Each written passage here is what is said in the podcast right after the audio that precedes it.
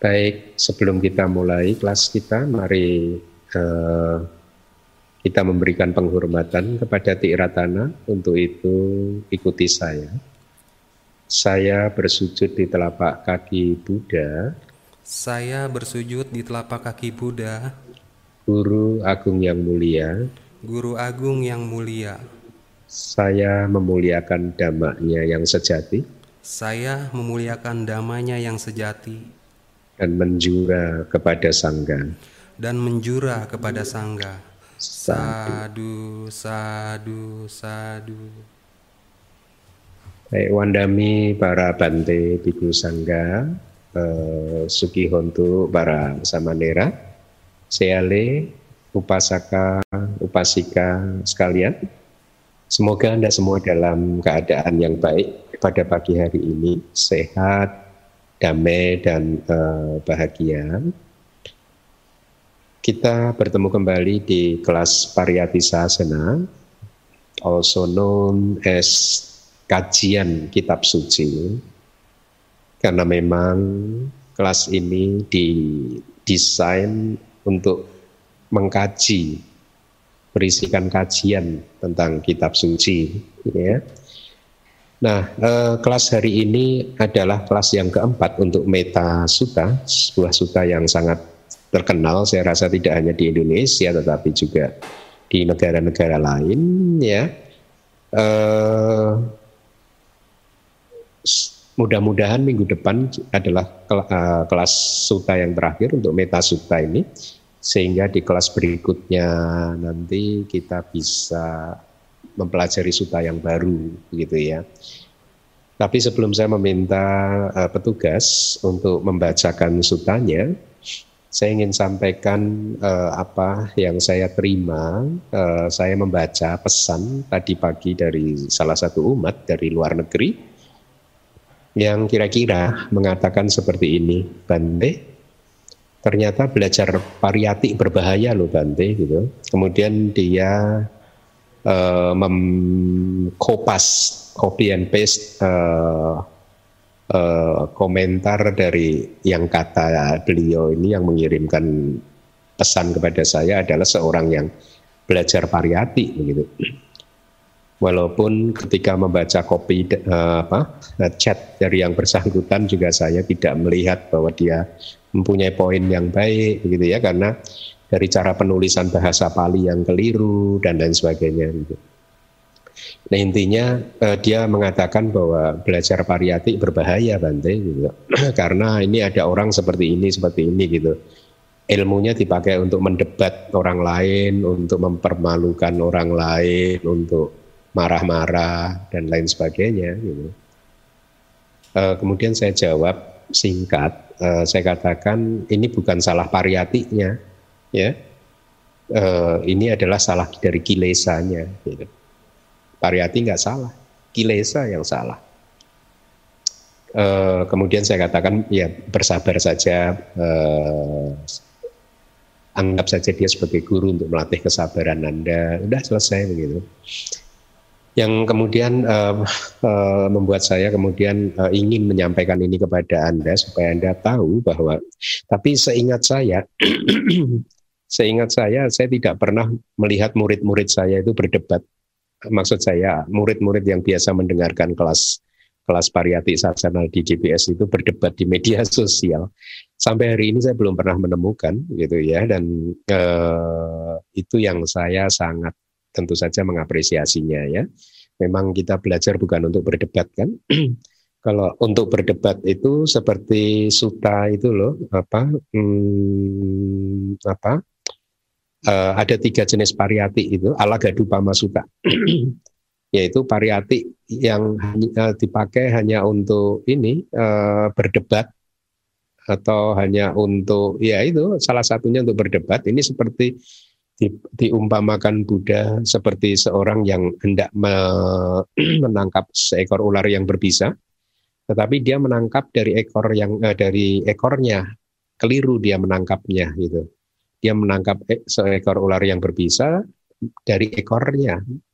Apa yang terjadi ya kita bisa membayangkan ular itu pasti akan berbalik mematok dia dan dia kena bisanya yang sangat uh, beracun dan itu sangat mematikan dia gitu. Minimal dia akan sakit parah dan akan sangat mematikan dia. Nah, belajar kitab suci kalau dipakai hanya untuk berdebat ya kira-kira begitu. Hasilnya akan mematuk diri kita sendiri yang suka berdebat dan patukannya itu membuat kita sakit yang sangat parah atau bahkan mematikan itu perumpamaannya, tetapi dalam konteks uh, hukum karma tentu saja suka berdebat dengan kata-kata yang tidak pantas seperti itu memunculkan kilesa tersebut.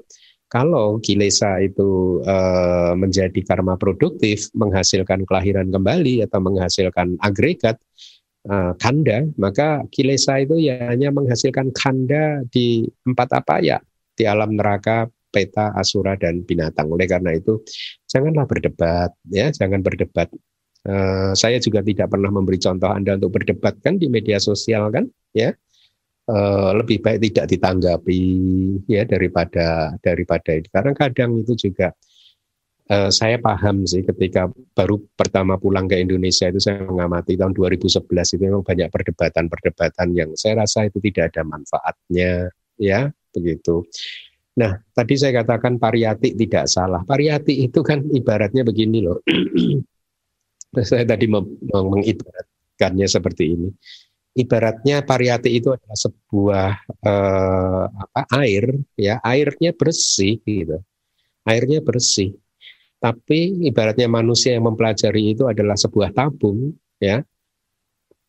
Apabila tabungnya bersih, tabung yang mempunyai dua muka, air masuk kemudian dialirkan keluar, apabila tabung itu bersih, maka air yang keluar nantinya juga bersih, air variatiknya tetap bersih begitu. Ya. Tapi kalau tabungnya kotor, air bersih dimasukkan ke dalam tabung yang kotor, kemudian air yang mengalir keluar tentu juga akan menjadi kotor juga tercemar. Tergantung orangnya, ya. Orang kalau orangnya itu tidak banyak kilesa, dia akan memanfaatkan variati itu untuk penyeberangan menuju ke nibana, menyeberang samsara tapi kalau orangnya kotor, banyak kilesa yang masih kuat, ya pasti akan begitu itu tadi, dipakai untuk berdebat, untuk menyakiti orang lain, dan lain sebagainya. Jadi ajaran Buddha itu bukan sebuah pentungan. Ya, pentungan itu ternyata ada di Kamus Besar Bahasa Indonesia.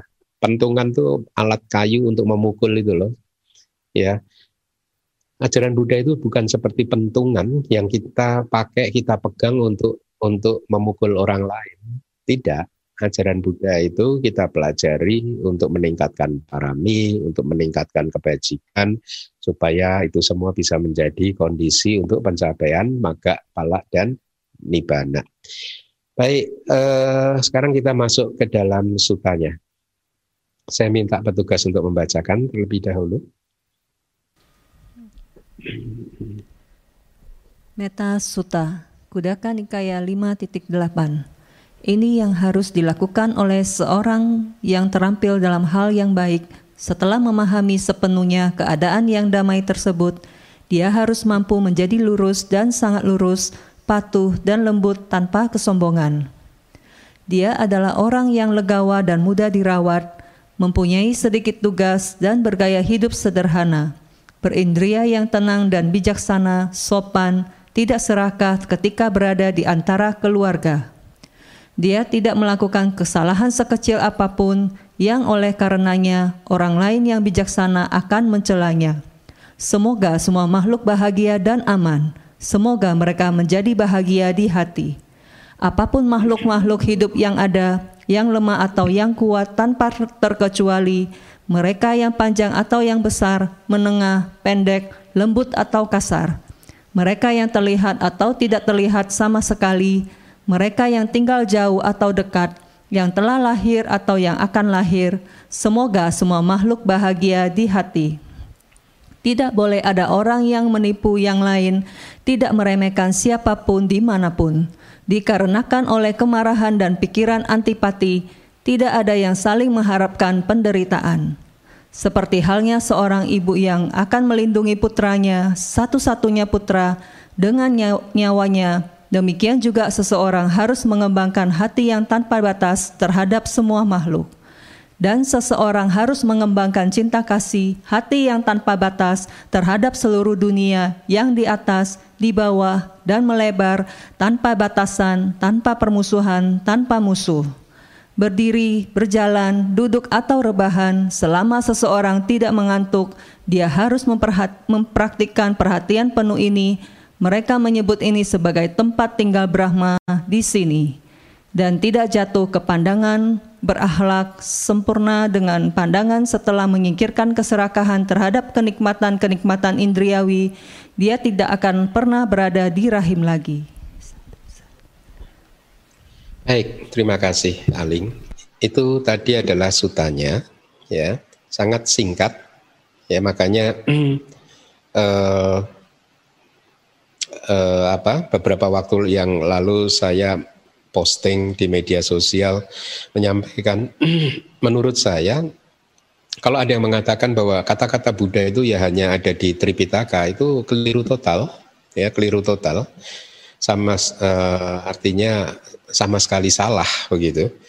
Dengan memberi contoh bayangkan saja kalau mereka yang percaya bahwa kata-kata Buddha itu hanya ada yang di dalam suta maka ketika 500 biku itu menghadap Buddha, Buddha kemudian membabarkan hanyalah metasuta seperti yang tadi baru saja dibaca, itu tidak sampai lima menit selesai. Nah, Anda bayangkan apakah 500 biku itu jauh-jauh dari satu hutan menuju ke hutan yang berbeda menemui Buddha hanya untuk mendengarkan uh, diskursus gitu ya selama lima menit dari Buddha dan kemudian pulang berpamitan pulang.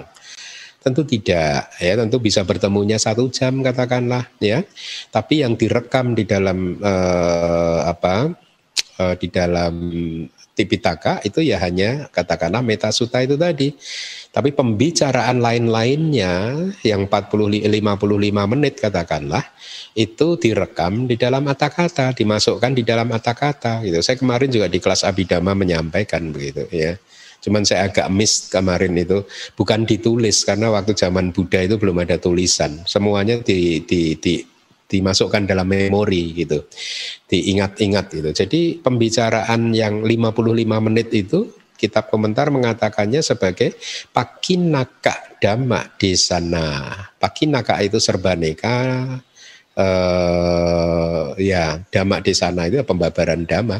Jadi pembabaran dhamma yang serba aneka gitu, yang bermacam-macam gitu. Itu dimasukkan kemudian di dalam kata-kata gitu. Anda Anda bisa lihat semua suta pitaka itu kalau dibaca itu kalau yang seperti tadi ya hanya kurang dari lima menit bahkan ada yang mungkin hanya dua menit tiga menit di Anggutara Nikaya itu ada yang pendek-pendek gitu kalau orang memper, uh, mengatakan bahwa kata-kata Buddha ya hanya ada di dalam Tripitaka, maka sekali lagi itu uh, salah total ya.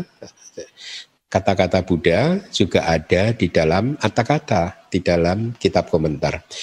Nah, mari kita lihat uh, pembahasan di kata-kata atau kitab komentar. Tolong disampaikan slide-nya apa pun makhluk-makhluk hidup yang ada yang lemah dan uh, seterusnya maksud dari makhluk yang lemah itu adalah makhluk-makhluk yang masih memiliki tanda tanda itu nafsu kekuat nafsu kehausan dan masih memiliki ketakutan ya. Karena memang untuk tinggal di dalam hutan itu uh, uh, seseorang harus benar-benar bisa membebaskan diri dari rasa takutnya juga dan juga uh, dari tanhanya ya nafsu-nafsu keinginannya begitu.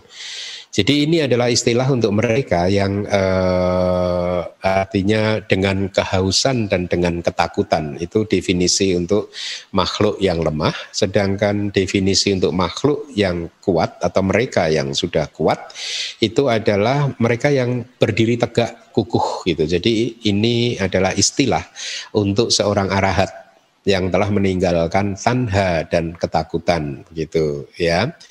Nah, Uh, kemudian apa pun makhluk-makhluk hidup yang ada gitu, uh, jadi apa pun makhluk-makhluk hidup yang ada itu artinya uh, jadi begini, ini adalah statement yang mengharapkan bahwa semoga mereka semua ini makhluk hidup apa pun itu ya menjadi bahagia di dalam hati ya. Dari yang telah lahir menurut kata-kata dari yang telah lahir ataupun yang akan lahir Semoga semua makhluk ini pun bahagia di dalam hatinya gitu ya.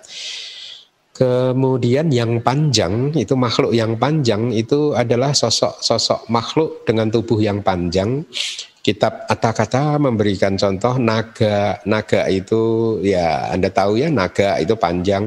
Terus ikan-ikan yang panjang seperti mungkin ikan paus dan lain sebagainya. Bahkan disebutkan juga iguana. Iguana itu pun juga termasuk makhluk yang panjang. Jadi lihatlah bahwa makhluk-makhluk yang seperti itu pun Buddha mengajarkan kepada kita menjadi objek dari meditasi meta kita begitu. Nah, Penjelasan lebih jauhnya begini, oleh karena tubuh para naga di Samudra Raya itu bisa berukuran beratus-ratus depa. Depa itu gimana ya? Kalau tangan direntangkan begitu ya, itu satu depa itu. Jadi tubuh naga itu bisa berukuran beratus-ratus eh, depa. Sedangkan tubuh-tubuh ikan, iguana dan lain-lain bisa berukuran beraneka uh, macam uh, yojana begitu. Terus mereka yang besar, makhluk-makhluk yang besar itu adalah makhluk-makhluk yang mempunyai tubuh yang besar, bisa juga berasal dari ikan, kura-kura, dan lain-lain yang ada di dalam air atau yang ada di atas tanah yaitu gajah, naga, atau yang kala makhluk halus, asura. Asura itu besar sekali.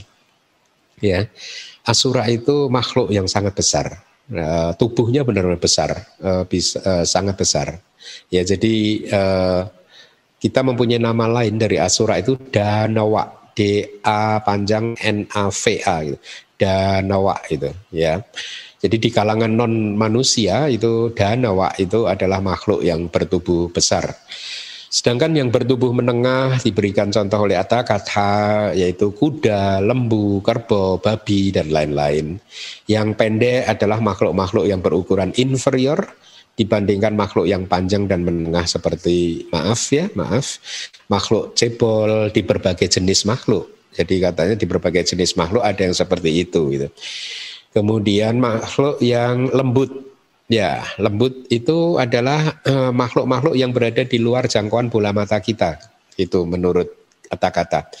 Jadi makhluk dengan tubuh yang sangat lembut juga yang lahir di air itu juga termasuk dan lain-lain gitu ya. Uh, semua makhluk yang hanya bisa dilihat dengan dibacaku nyana, pengetahuan mata yang adikodrati atau yang di Indonesia dikenal sebagai mata dewa itu termasuk juga makhluk yang lembut atau juga kutu ya kutu kutu kutu busuk kutu kasur atau apa pun itu juga kita kata-kata mendefinisikannya sebagai makhluk yang lembut. Sedangkan makhluk yang kasar adalah makhluk-makhluk dengan tubuh yang bulat seperti ikan, kura-kura, tiram, kerang, dan lain-lain. Sekali lagi, Buddha mendeskripsikan ini semua itu adalah sebagai satu petunjuk bagi murid-murid yang ingin berlatih meta bahwa uh, uh, praktek meta harus dilakukan dengan mengarahkan perhatian yang penuh cinta kasih kepada makhluk-makhluk yang uh, seperti itu tadi gitu. Jadi demikianlah eh, setelah memperlihatkan makhluk-makhluk tanpa terkecuali seperti itu tadi, sekarang Buddha akan mengumpulkan dan memperlihatkannya melalui tiga pasangan dengan kalimat mereka yang terlihat atau tidak terlihat uh, sama sekali itu. Jadi mereka yang terlihat atau tidak terlihat sama sekali ya ada yang yang ada di layar itu maksud dari yang terlihat makhluk yang terlihat adalah mereka yang bisa bisa uh, apa seperti ini. Jadi makhluk siapa pun yang sebelumnya pernah terlihat oleh kita ketika mereka telah tiba dalam jangkauan mata seseorang. Ya, kalimat dalam jangkauan mata seseorang itu kalimat abidama gitu. Di teks-teks abidama itu selalu begitu gitu. Jadi makhluk yang terlihat adalah mereka yang sudah pernah kita lihat itu uh, bahasa sehari-harinya.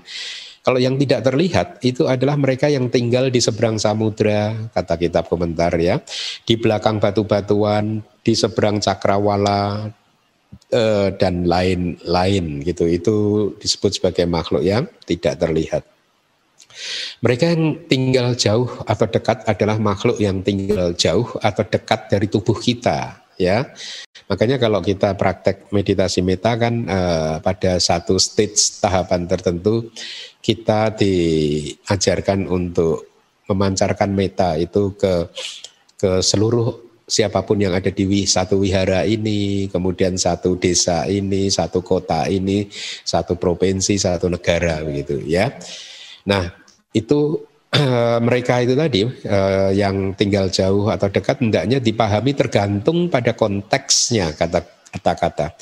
Oleh karena makhluk-makhluk yang tinggal di dalam tubuh kita sendiri, di dalam tubuh kita ini ada makhluk gitu ya, uh, adalah dekat, dikatakan sebagai makhluk yang dekat.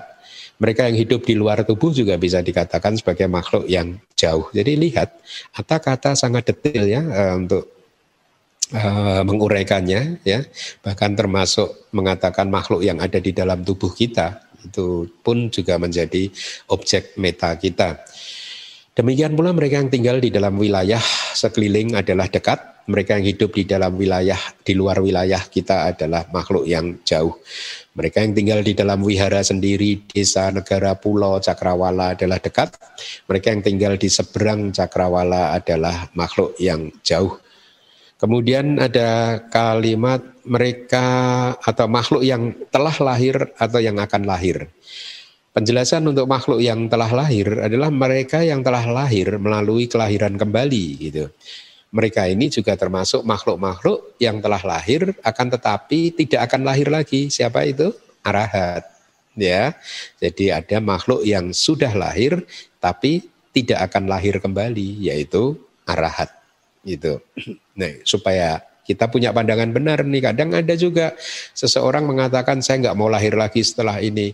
Ya nggak bisa karena tidak lahir lagi tidak tergantung pada tekad kita, tetapi tergantung pada latihan kita sudah mencapai ke tingkat kesucian arahat atau belum begitu ya. Nah, sekarang mereka yang akan lahir adalah mereka yang sedang mencari kelahiran. Ini adalah istilah untuk para seka. Seka itu adalah murid mulia. Jadi kita mengenal empat tingkat murid yang mulia kan, Arya Pugala kan, e, individu yang mulia yaitu Sotapana, Sakadagami, Anagami, dan Arahanta atau Arahat ya.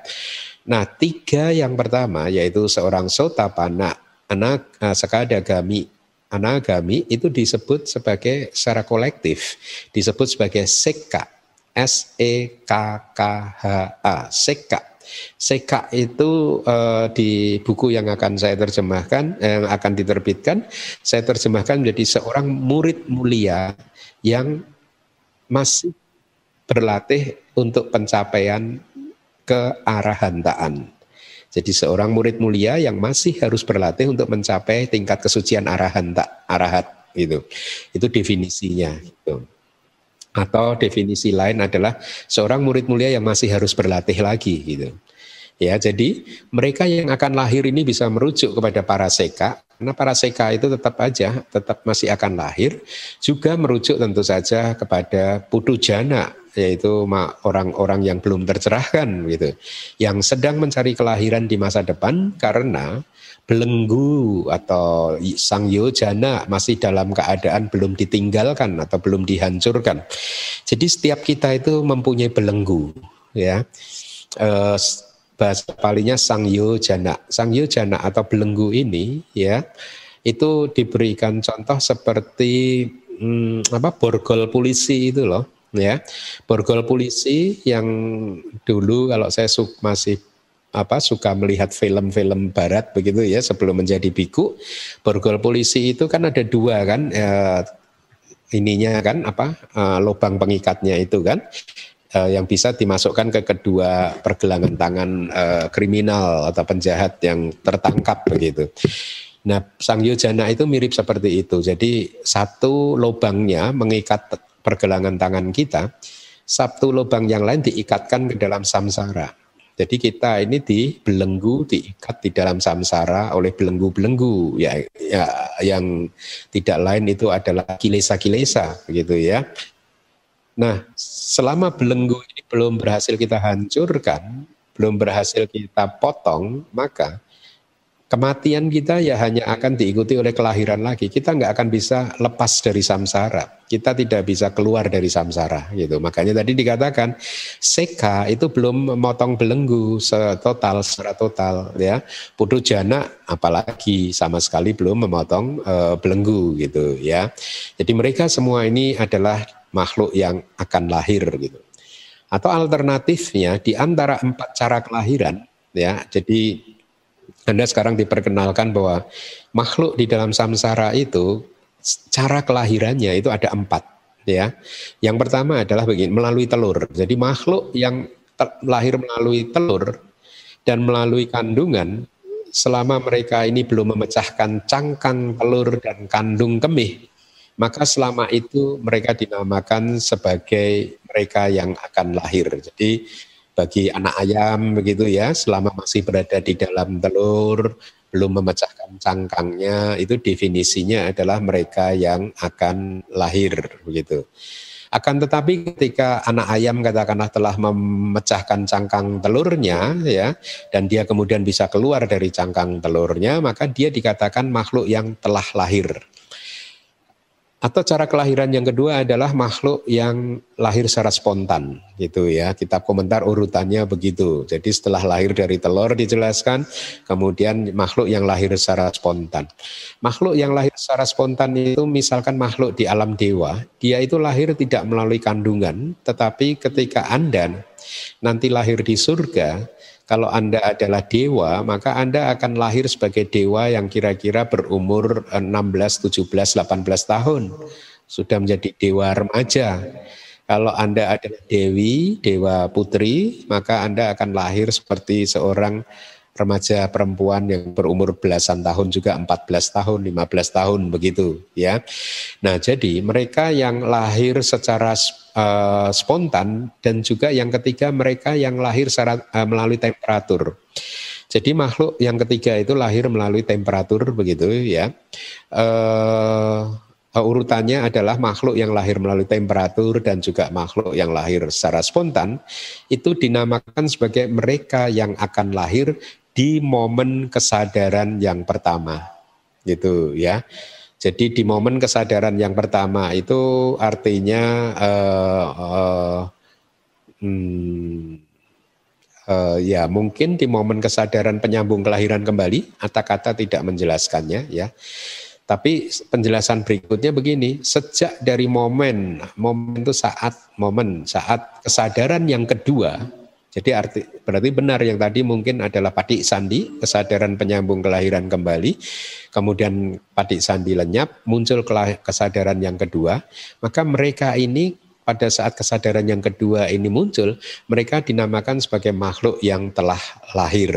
Ya, jadi ini khusus untuk makhluk yang lahir secara uh, melalui temperatur dan lahir secara spontan.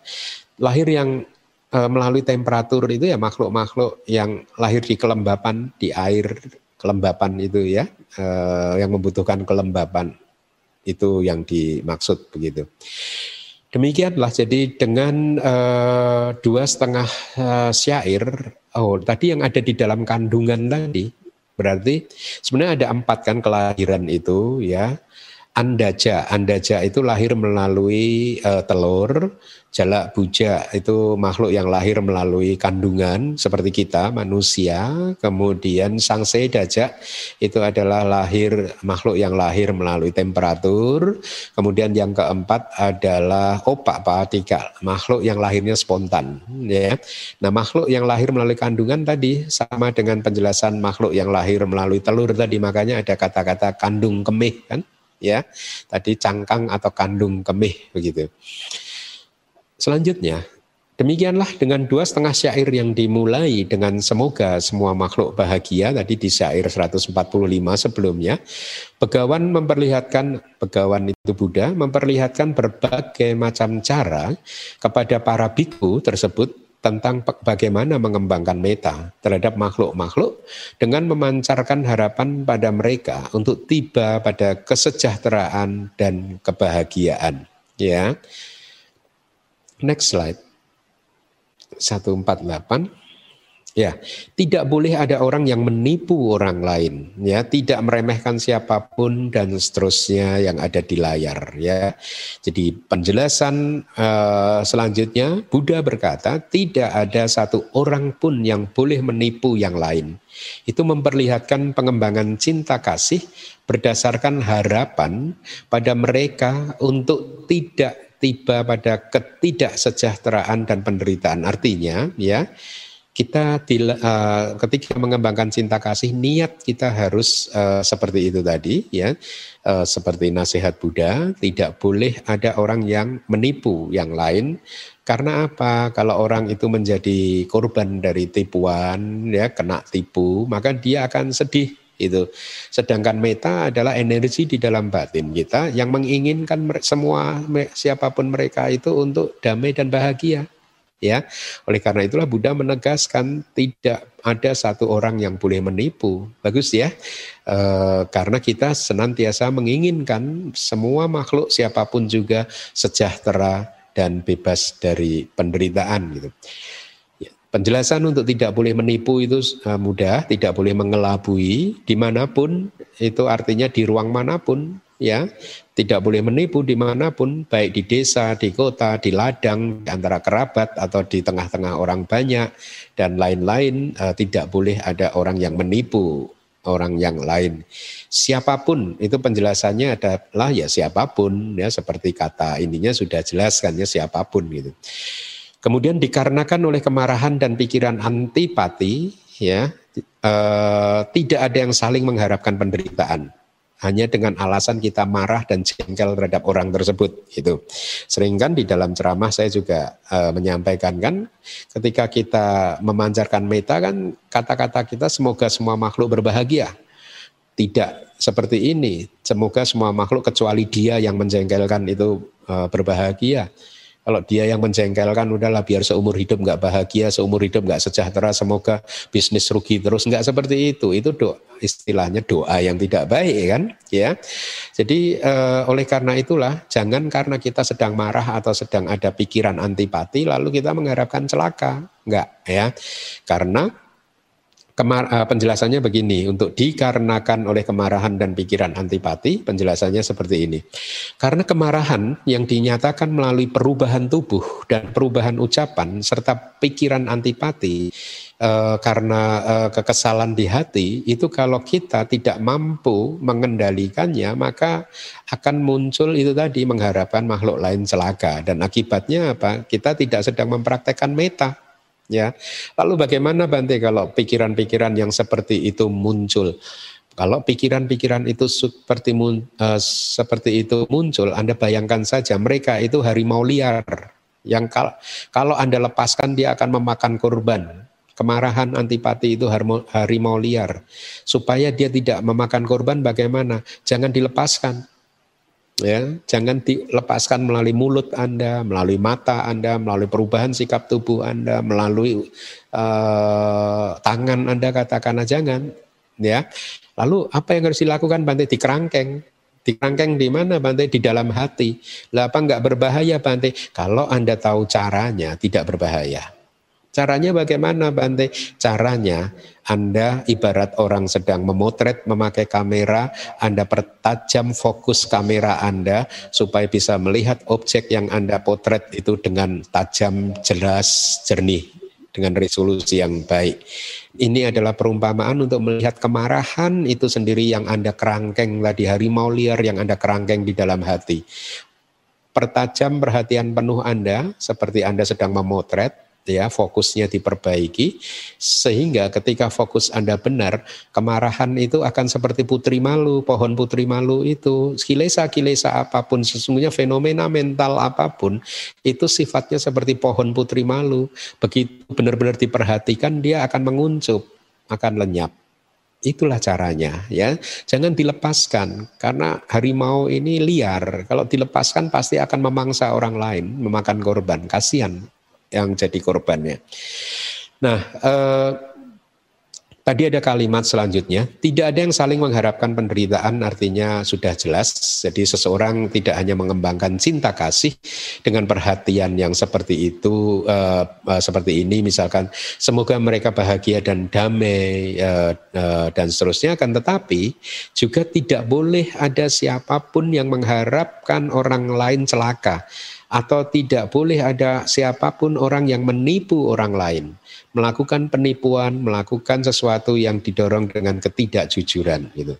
Jadi tidak boleh ada siapa pun yang meremehkan orang lain di wilayah mana pun, di eh, tempat mana pun dengan melalui sembilan, sembilan macam kesombongan seperti karena kelas sosial dan lain-lain begitu ya. Saya rasa di kelas-kelas yang lain sudah saya sampaikan tentang sembilan landasan untuk memunculkan kesombongan kan? Ya. Eh, misalkan bisa karena status sosial, bisa karena pengetahuan juga bisa. Ya, kayak tadi misalkan seorang yang belajar pariyati malah sombong, ya karena dia menyombongkan merasa sudah berilmu lalu dia menyombongkan dirinya merendahkan yang lain dan lain sebagainya atau kesombongan bisa muncul juga pada dengan dasar usia muda oh saya masih usia saya masih muda gitu dan seterusnya dan seterusnya ada sembilan kan dan tidak boleh ada seseorang yang karena marah dan pikiran antipati mengharapkan yang lain menderita. Demikian ini juga yang harus dikembangkan di dalam hati ketika kita mempraktekkan meta. Next slide. Ya, seperti halnya seorang ibu yang akan melindungi putranya, satu-satunya putra. Bayangkan, seorang ibu melindungi putranya, satu-satunya putra tunggalnya dengan nyawanya. Demikian juga seseorang harus mengambangkan hati yang tanpa batas terhadap semua makhluk. Ini sangat terkenal ya eh, bagian ini ya. Demikianlah setelah memperlihatkan pengembangan meta sesuai artinya, yaitu harapan untuk semua makhluk agar tidak tiba pada ketidaksejahteraan dan penderitaan. Jadi lihat, harapan kita ketika mempraktekkan meta itu tidak mengharapkan makhluk lain untuk jatuh dalam penderitaan, jatuh dalam ketidaksejahteraan, maka sekarang Buddha memperlihatkan pengembangan cinta kasih dengan melalui perumpamaan beliau yang sangat terkenal ini yaitu seperti halnya seorang ibu yang akan melindungi putra tunggalnya itu ya. Nah, artinya begini. Seperti seorang ibu dengan putranya sendiri yang lahir melaluinya, artinya anak kandungnya, putra tunggal kandungnya, anak yang sah kata kata-kata, dia akan melindungi putra satu-satunya itu dengan segala macam cara bahkan dengan nyawanya. Gitu. Dia menjaganya dengan mempertaruhkan nyawanya sendiri dengan tujuan untuk mengusir penderitaan supaya tidak mendekati anaknya gitu. Saya beberapa kali melihat video bagaimana induk binatang itu pun mempunyai naluri yang sama seperti seorang ibu uh, manusia begitu ya. Dia sangat ini uh, bahkan dia bisa mengambil risiko yang bisa membahayakan nyawanya demi untuk menyelamatkan anaknya. Ini binatang pun seperti itu gitu.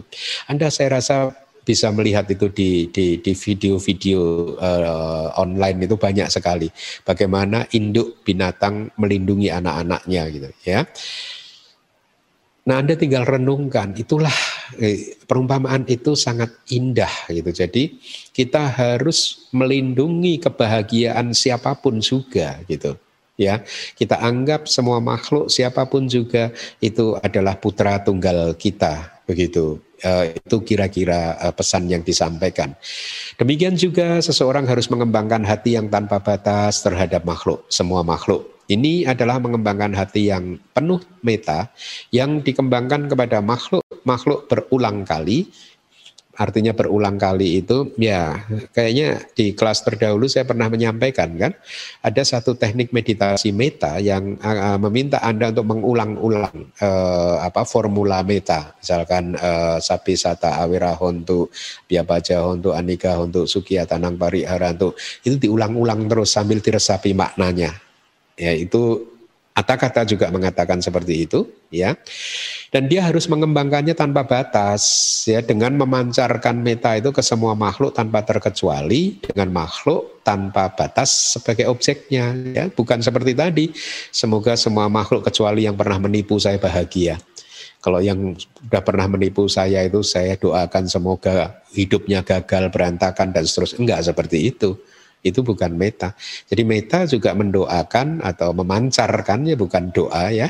Memancarkan energi meta itu bahkan kepada orang yang pernah menipu kita, orang yang pernah merugikan kita, orang yang memusuhi kita atau orang yang bahkan kita benci begitu ya. Kita kalau mengingat dia marah ya.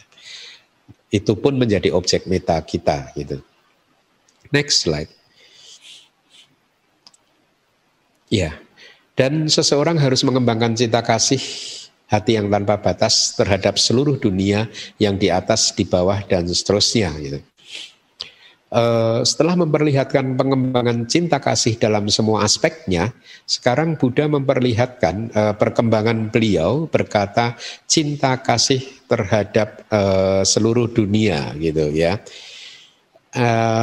meta ya kata meta Anda perhatikan coba kata meta itu M E T T A panjang itu berasal dari kayak derivasinya begitu dari kata Pali lain M I T T A bukan M E T T A tapi M I T T A mita mita itu bahasa Indonesianya mitra ya diadopsi di bahasa Indonesia sebagai mitra.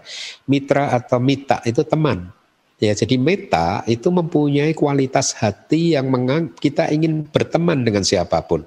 Kita ingin bersahabat dengan siapa pun atau sebaliknya, kita menganggap siapa pun itu adalah teman, sahabat. Nah, Anda bayangkan kalau Anda mempunyai sahabat, lihatlah ketika Anda bertemu dengan sahabat, hati Anda bahagia, ya Eh, atau bahkan ketika mendengar sahabat Anda kesusahan, hati Anda juga sedikit agak maafnya terganggu mungkin ya.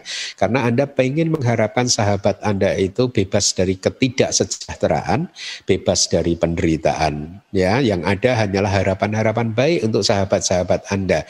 Jadi ini juga salah satu cara sebenarnya untuk memahami kualitas hati yang penuh meta itu seperti apa, yaitu kualitas hati yang Anda punya ketika Anda memikirkan sahabat-sahabat Anda ya. Ketika Anda memikirkan teman-teman Anda, ketika Anda di situ melihat ada keinginan uh, yang baik ter, hanya terjadi pada sahabat Anda, maka itulah meta. Tetapi bedanya adalah setelah Anda mengetahui seperti itu, untuk dirubah menjadi meta, kalau tadi hanya mita, dirubah menjadi meta, maka Anda harus pertahankan kualitas hati yang baik itu tadi kepada semua makhluk tanpa batas. Itu bedanya ya. Jadi uh, uh, ketika Anda mempunyai seorang mita, teman, mitra, sahabat, Anda ingin menjaga dia, ya, e, ingin memastikan kehidupan dia bahagia. Nah, setelah Anda bisa merasakan itu, maka ini adalah api yang sudah menyala, kemudian nyalakanlah, belajarlah untuk dinyalakan, diarahkan ke objek-objek yang lain, semua makhluk tanpa batas, gitu ya.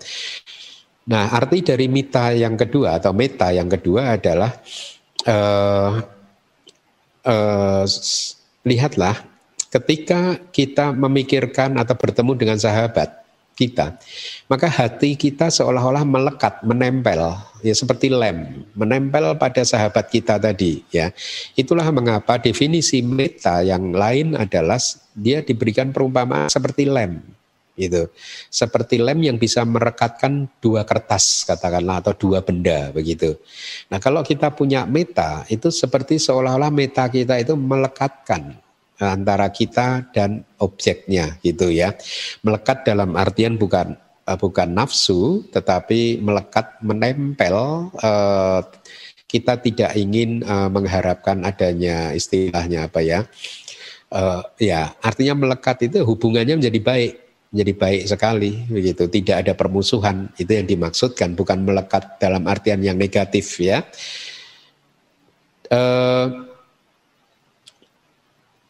hal itu dikatakan di kitab komentar begini karena kecenderungan sifat dari mita atau teman itu ya hanya ingin meningkatkan kesejahteraan gitu. Kesejahteraan itu ya bisa keselamatan, welfare bahasa Inggrisnya, kesejahteraan, keselamatan dan lain sebagainya. Seorang teman akan melindungi temannya dari sesuatu yang membahayakan atau tidak baik Kualitas seorang teman yang seperti itulah yang disebut sebagai cinta kasih. Tapi ingat, cinta kasih yang disebut meta itu harus berlaku sama untuk semua makhluk yang tadi sudah diajarkan oleh Buddha gitu ya. Itulah mengapa kalimatnya kemudian demikian terhadap seluruh dunia. Artinya terhadap dunia beserta para makhluknya tanpa terkecuali gitu dunia para makhluk gitu ya. Uh, Kemudian hati ya, di uh, ada di dalam hati. Tolong slide-nya tadi ditampilkan. Ya, lihat itu uh, terhadap seluruh dunia gitu yang di atas, di bawah dan melebar tanpa batasan, tanpa permusuhan dan uh, uh, tanpa musuh begitu ya tanpa batas itu artinya ya tidak ada batasannya gitu. Yang demikian disampaikan karena cinta kasih atau meta itu mengambil memang objeknya itu makhluk yang tanpa batas. Maksudnya gimana sih itu? Begini, ini abidama sih, penjelasan abidama. Pikiran kita itu tidak akan pernah muncul ya, bahasa sehari-harinya pikiran katakanlah ya, bahasa awamnya. Pikiran itu tidak akan pernah bisa muncul tanpa objek. Makanya ketika kita melihat maka kesadaran atau katakanlah bahasa awamnya pikiran yang melihat objek tersebut itu muncul karena ada objeknya. Ketika kita mendengar suara, pikiran yang mendengarkan suara itu tadi muncul karena ada objeknya. Sebenarnya istilah abidamanya bukan pikiran sih, cita. Cita itu saya terjemahkan jadi kesadaran gitu ya. Ketika hidung kita membaui aroma tertentu, maka akan muncul kesadaran yang mengambil objek tersebut. Ketika lidah kita merasakan sesuatu, maka akan muncul kesadaran yang merasakan rasa itu tadi. Ketika tubuh kulit kita, pengindra kita itu merasakan objek-objek sentuhan, maka pikiran atau kesadaran atau cita yang mengambil akan muncul untuk mengambil objek tersebut. Ketika kita diam bermeditasi, kemudian pikiran kita mengembara ke sana kemari, eh, menangkap objek ini dan itu, ya pikiran itu muncul karena ada objek yang muncul. Kira-kira begitu, ya penjelasan uh, awamnya seperti itu. Makanya kalau di kelas Abhidhamma Mit isi saya berikan perumpamaan seperti ini. Jadi kesadaran itu muncul karena ada objek yang masuk dalam jangkauan indera-indera begitu ya. Objek itu bisa tadi objeknya mata, objeknya telinga, objeknya hidung dan seterusnya tadi. Ya. Jadi kesadaran itu saya berikan perumpamaan seperti ini. Anda bayangkan kotak korek api itu ya Eh, ada satu batang korek api, ada satu kemudian yang lain di kotaknya, kotak korek api. Ya, kalau kita ingin memunculkan api, maka batang korek api dan kotak korek api itu harus digesekkan. Ketika terjadi gesekan atau benturan istilah teknis abidamanya, terjadi gesekan apinya muncul. Ya, nah batang korek api ini anggap saja ini sebagai objek mata, objek telinga, objek hidung, objek, lidah, objek pengindra, kulit pengindra Anda, objek pikiran Anda, bayangkan kotak apa batang korek api itu seperti itu. Sedangkan kotak korek api itu adalah indria mata Anda, indria telinga Anda, indria hidung, indria lidah, kulit, peraba, kemudian uh, batin Anda, hati Anda gitu ya, jantung Anda gitu. Nah, ketika objek ini berbenturan dengan mata seperti batang korek api berbenturan dengan kotak korek api tadi, apinya muncul. Ketika objek mata itu berbenturan dengan indera mata, maka kesadaran mata untuk melihat objek tersebut muncul. Sebenarnya prosesnya uh, seperti itu gitu ya. Nah, tapi objek itu supaya bisa kita rasakan, bisa memunculkan kesadaran untuk menangkapnya tadi harus berada dalam jangkauan pintu indria, maka harus terjadi benturan, begitu ya. Nah, eh, itulah yang eh, dimaksud tadi eh, apa? Begini, objek dari meta adalah tanpa batas ya. Ya artinya objek yang tanpa batas itu ya objek siap objek dari pikiran kita itu tadi siapa pun di mana pun eh, apa dalam bentuk apa pun bisa binatang manusia eh, peta asura begitu. Saya pernah eh, ada seseorang eh, mengatakan kepada mungkin beberapa kali ya ada orang yang selalu mengatakan Bante nggak takut ya tinggal di dalam hutan Bante gitu. Nanti kalau ada makhluk halus bagaimana Bante gitu. Ya dalam hati saya. Kalau melihat makhluk halus, melihat peta, melihat asura, itu kan kesempatan kita untuk menolong mereka. Ya, itulah mengapa uh, saya selalu menikmati tinggal sendirian sebenarnya di dalam uh, hutan seperti itu. Uh, ya, karena persepsi saya mungkin kalau ada orang menganggap makhluk-makhluk halus itu sebagai musuh yang harus dilawan, kalau kita kan enggak. Kalau ada makhluk-makhluk halus, berarti kita beruntung kan? Karena kita mendapatkan kesempatan untuk membantu mereka, untuk menolong mereka gitu. Itulah meta, kira-kira seperti itu. Jadi dalam bentuk apa pun, tidak hanya manusia saja tetapi binatang, makhluk yang tidak kelihatan dan lain sebagainya begitu. Nah, tadi dikatakan makhluk yang di atas ya. Artinya yang di atas itu di bagian atas kita. Dengan ini Buddha memasukkan, nah ini Buddha loh, ya tidak ada di sutanya tapi adanya di kitab komentar. Jadi dengan kalimat yang di atas itu ya Buddha sedang memasukkan makhluk Brahma non materi arupa Brahma gitu.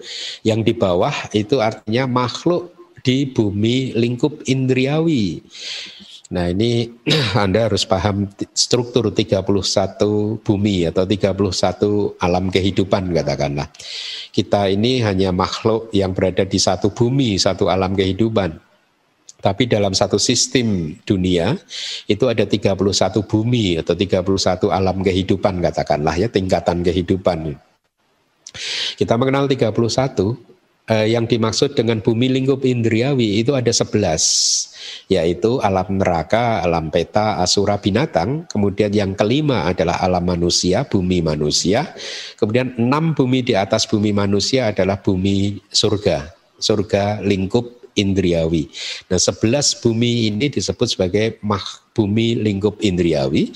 Makhluk yang tinggal di dalam sebelas bumi ini disebut sebagai makhluk lingkup indriawi.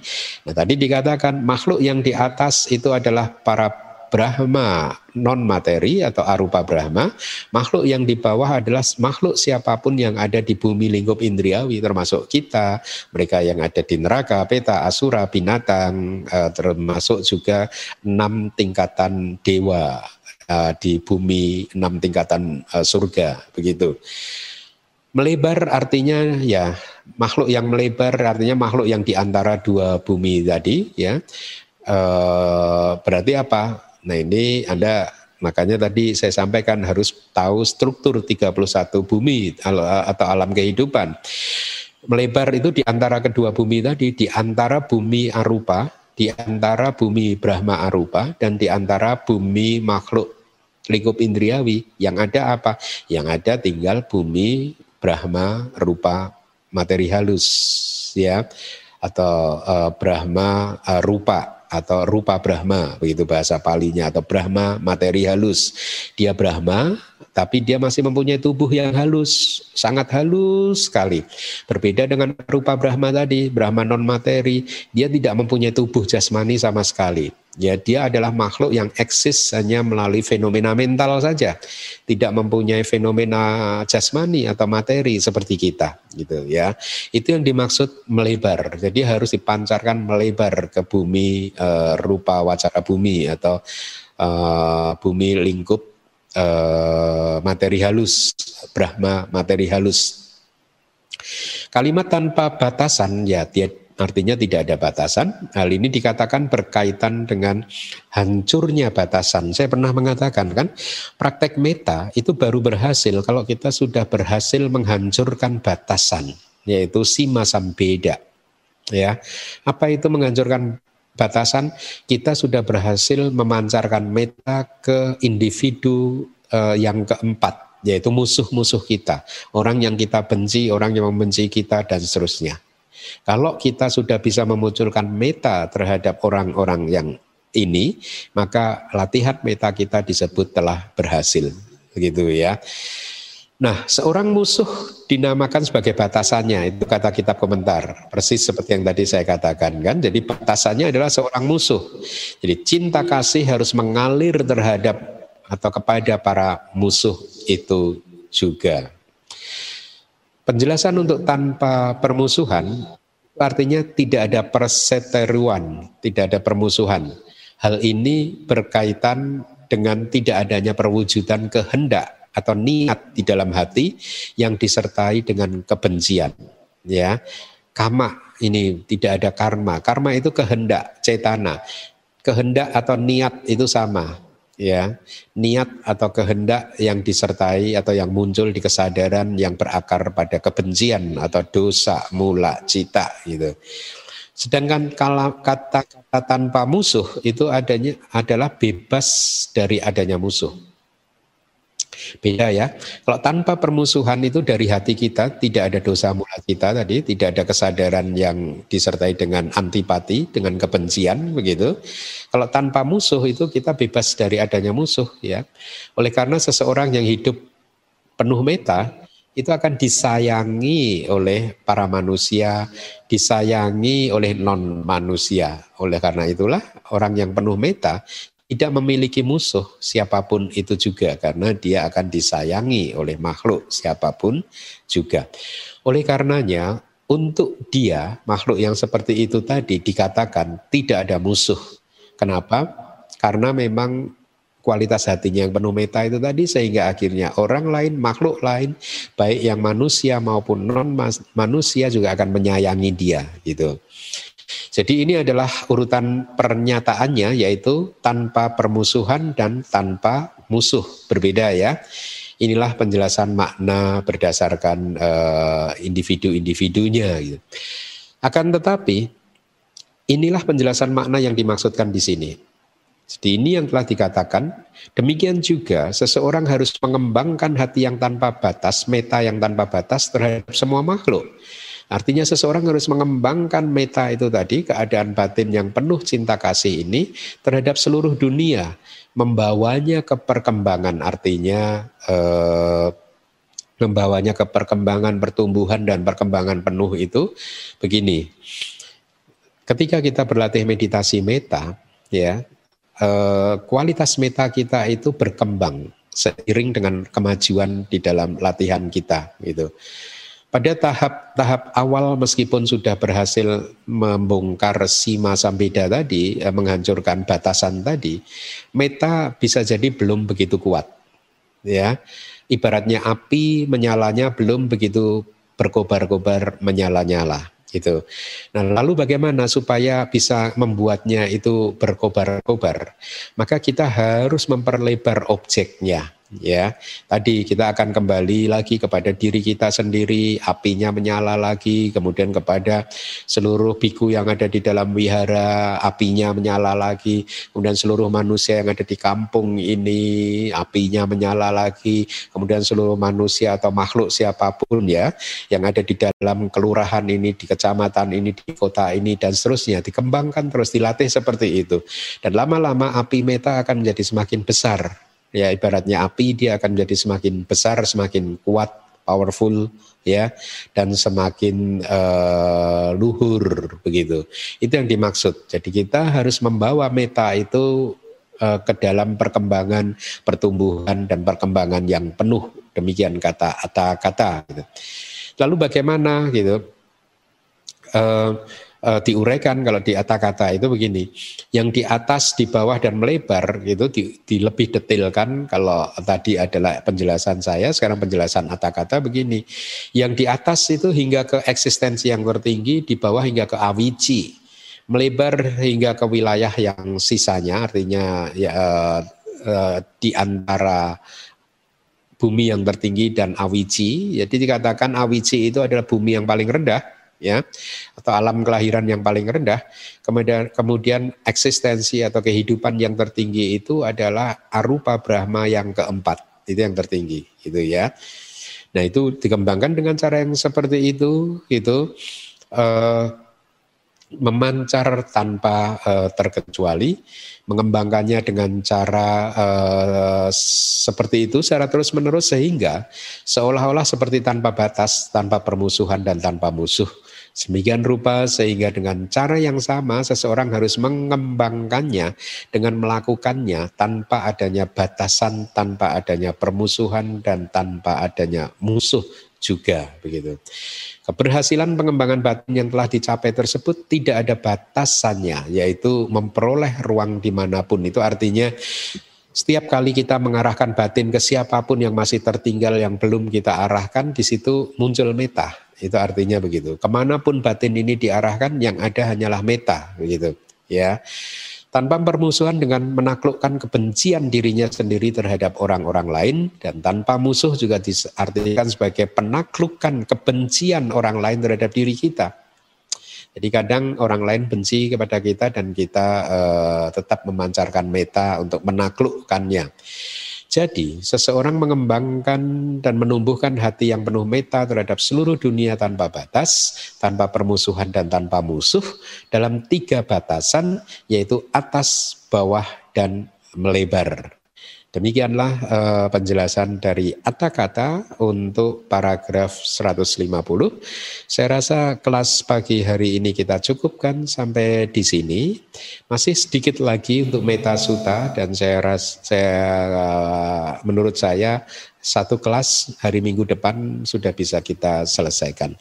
Baik, terima kasih. Semoga apa yang saya sampaikan bisa bermanfaat untuk Anda uh, untuk meningkatkan timbunan parami dan kebajikan Anda sehingga akhirnya bisa menjadi kondisi yang kuat untuk pencapaian maga, pala dan nibana. Sadu. Sadu, sadu, sadu. Anumodana Bante atas penjelasan suta yang telah disampaikan kepada kami pagi ini.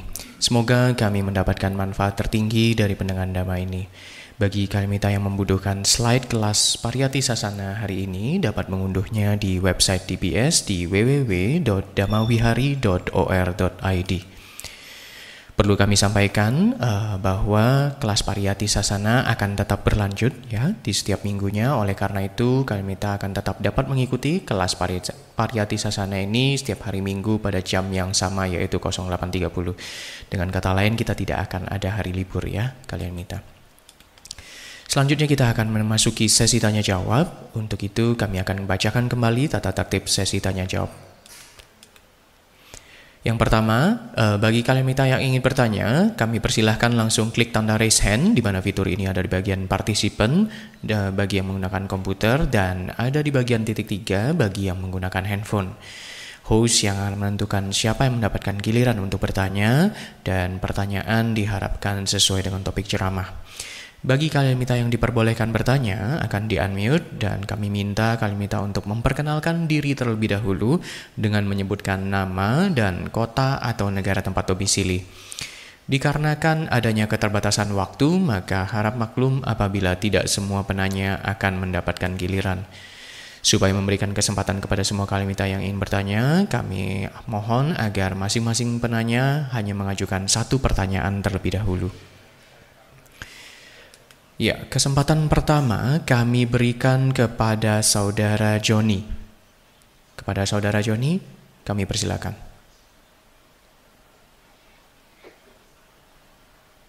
Uh, Suki Hotu Bante, nah, ini video saya belum muncul. Uh. Ya, sudah seperti Pak Suki Hotu Bante. Oh iya. Yeah. Uh, Suki Hotu Bante. Uh, uh, saya Joni dari Medan. Mm-hmm. Yang saya mau tanya hari ini adalah uh, bagaimana? Halo. Iya. Halo. Uh, kedengaran. Yang saya mau tanya hari ini adalah Bante, uh, bagaimana setelah uh, step by step melatih meta ini ya? Karena ada ada juga saya lihat yang melatih meta ini kan harus melalui meditasi untuk dipancarkan kepada diri sendiri dulu. Nanti udah berhasil bahkan katanya sampai jana jana baru nanti pindah ke uh, orang yang kita sayangi nanti baru pindah lagi makin sampai pada orang yang kita benci.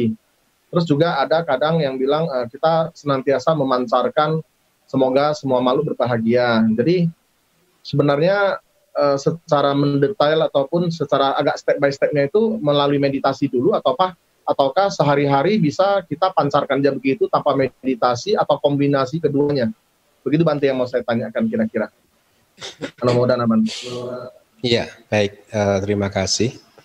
Iya, saya rasa mungkin jadi kombinasinya ya. Apa yang Anda katakan tadi benar, memang, memang ada dua dua cabang besar kan untuk berlatih meta uh, seperti yang tadi disebutkan oleh Pak Joni. Tapi tentu saja kalau harus melalui meditasi dulu mencapai konsentrasi yang stabil. Uh, cara yang kedua itu kan kita harus memantapkan konsentrasi dulu ya. Sehingga batin kita atau konsentrasi kita itu menjadi stabil kemudian menjadi apa uh, lembut kemudian mudah untuk diarahkan ya menjadi siap pakai begitu. Artinya siap pakai itu diarahkan ke mana pun tiba-tiba objeknya bisa ditangkap dengan jelas dan tidak terlepas begitu. Ya itu uh, kalau meta harus seperti itu dalam kehidupan sehari-hari tentu saja tidak mungkin kan ya oleh karena itulah meta juga bagus untuk dipraktekkan dalam kehidupan sehari-hari dengan menggunakan uh, pengulangan kata-kata tadi, misalkan sapi sata bawantu sukitata, misalkan semoga semua makhluk menjadi berbahagia di dalam hatinya, begitu. Itu pun juga bagus gitu. Meskipun mungkin hasilnya itu kadang kurang maksimal, asal kita tidak menyerah, tetap saja ada membantunya uh, ada ada manfaatnya maksud saya ya. Minimal bisa menghalau kemarahan kita bisa menghalau antipati kita kebencian kita ketika kemarahan antipati kebencian itu muncul ya. Sehingga akhirnya kita tidak menjadi marah terhadap orang tersebut ya uh, atau manfaat minimalnya adalah ketika kita mengucapkan kalimat atau formula-formula meta seperti itu, itu sebagai reminder kita bahwa di dalam hidup kita itu jalan kehidupan yang harus kita lalui adalah jalan yang tanpa permusuhan, tanpa musuh begitu ya. Jadi uh, kita harus memaafkan siapa pun seperti yang tadi saya berikan kepada umat dari luar negeri yang uh, message kepada saya tentang pariyati ada bahaya bahayanya tadi di awal kelas tadi kan saya katakan eh, apa eh, bersabarlah gitu. Anggap dia sebagai seorang guru yang sedang mengajarkan kesabaran begitu. Jadi eh, formula meta pun minimal akan bermanfaat seperti itu sebagai pengingat kita tentang bagaimana seharusnya kita menghadapi situasi-situasi di mana kita sedang hati kita sedang dikuasai oleh kemarahan, kebencian, antipati. Demikian Pak Joni. Tapi saya rasa kalau dalam kehidupan sehari-hari dengan mengulang-ulang meta itu hasilnya tetap saja tidak sekuat uh, meta ketika uh, dicapai dengan uh, memantapkan konsentrasi itu terlebih dahulu. Namo Dana Bante. Ya. Terima kasih atas penjelasannya Bante. Uh, berikutnya kami berikan kesempatan kepada Saudara Saiful Josahan. Kepada Saudara Saiful kami persilakan. Dari Banjarmasin, Bante. Oh iya. Ya, Bante, uh, mohon petunjuk mengenai profesi pekerjaan Bante sebagai peternak ayam petelur. Sebagai apa Pak? Peternak ayam petelur Bante. Ayam petelur. Iya. Oke. Okay. Jadi kan apakah sudut pandang agama Buddha terhadap profesi ini izin Bante tanpa bermaksud membenturkan berbagai pendapat. Saya sudah bertanya, jadi ada tiga macam jawaban Bante. Jawaban pertama adalah satu, jelas itu anggar karena menyiksa uh, binatang. Kalau jawaban kedua, uh, bertanggung jawab separuh karena mengkondisikan Bante. Bertanggung jawab apa Pak? Uh, bertanggung jawab separuh Pak. Jadi uh, istilahnya karmanya 50 persen Bante. mengkondisikan. Kalau jawaban yang ketiga, uh, itu tidak karena semua makhluk mewarisi karma sendiri dan saya tidak berniat membunuh, tidak memenuhi syarat-syarat pembunuhan. Ya. Uh, mohon petunjuk Bante. Terima kasih Bante. Iya. Begini, uh, saya sampaikan dari teks atau dari penjelasan Buddha terlebih dahulu ya.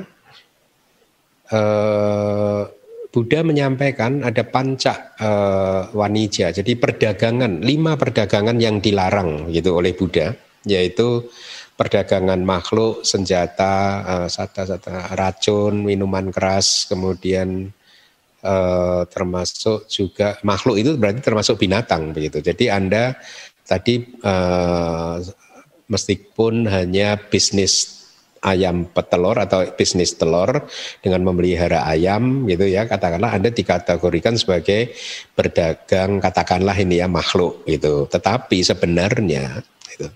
Kitab komentar itu menjelaskan yang dimaksud dilarang untuk memperdagangkan makhluk itu adalah seseorang memelihara binatang untuk disembelih, untuk dipotong, untuk dibunuh, untuk dipotong, kemudian dagingnya dimakan gitu. Itu yang dilarang.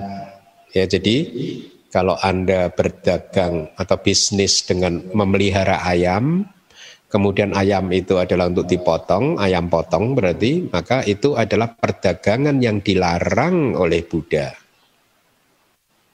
Jadi eh, eh, jelas ya. Nah saya rasa eh, eh, usaha ayam telur Anda tidak memenuhi syarat ini sebagai perdagangan yang dilarang oleh Buddha. Lalu analisa yang kedua, kalau ayam petelur Anda itu adalah murni ayam betina, artinya tidak ada pembuahan di sana, tidak ada pejantannya, sehingga tidak terjadi pembuahan. Artinya telur-telur yang keluar dari induk ayam itu tadi adalah telur-telur yang tanpa makhluk, ya, tanpa apa? Tanpa sigut anak ayam, tanpa embrio anak ayam. Nah, sehingga telur itu murni sebenarnya bebas dari kesalahan. Kejadiannya akan berbeda kalau Anda di peternakan Anda itu ada pejantan.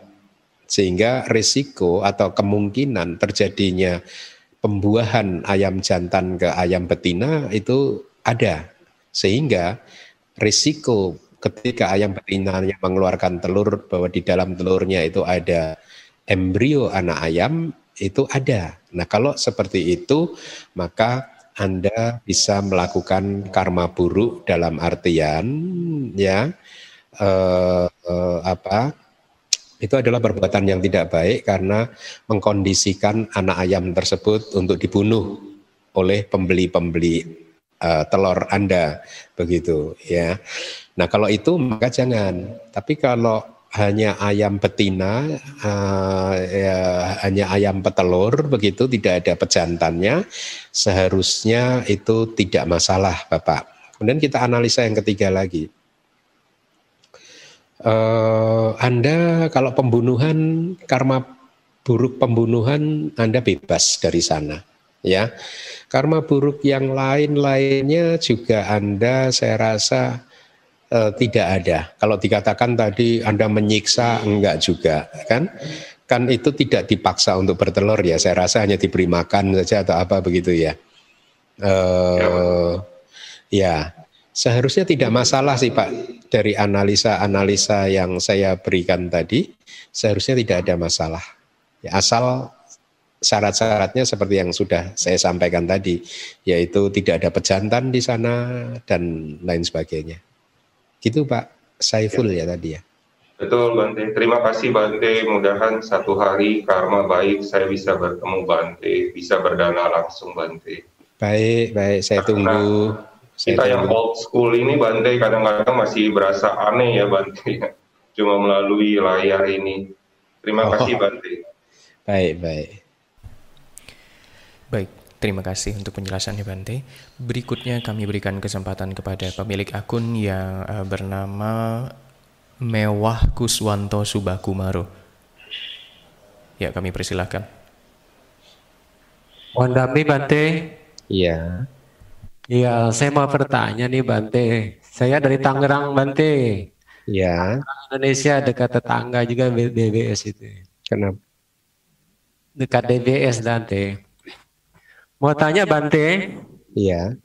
Apakah makhluk yang menyantap dari sumber dan sayur serta berindria tidak sibuk seperti kelelawar akan lebih mudah menyerap tingkat kesucian seperti kasus 500 kelawar dalam gua. Bagaimana dengan makhluk yang terbiasa menikmati binatang yang berdarah panas seperti sapi dan babi? Saya pernah mendengar dari salah satu sumber bahwa binatang berkaki empat memiliki darah panas. Tolong jelaskan Bante Anumodana. Kalimat Anda yang awal tadi terpotong sebelum kelelawar tadi apa ya? Uh, sebelum kelelawar.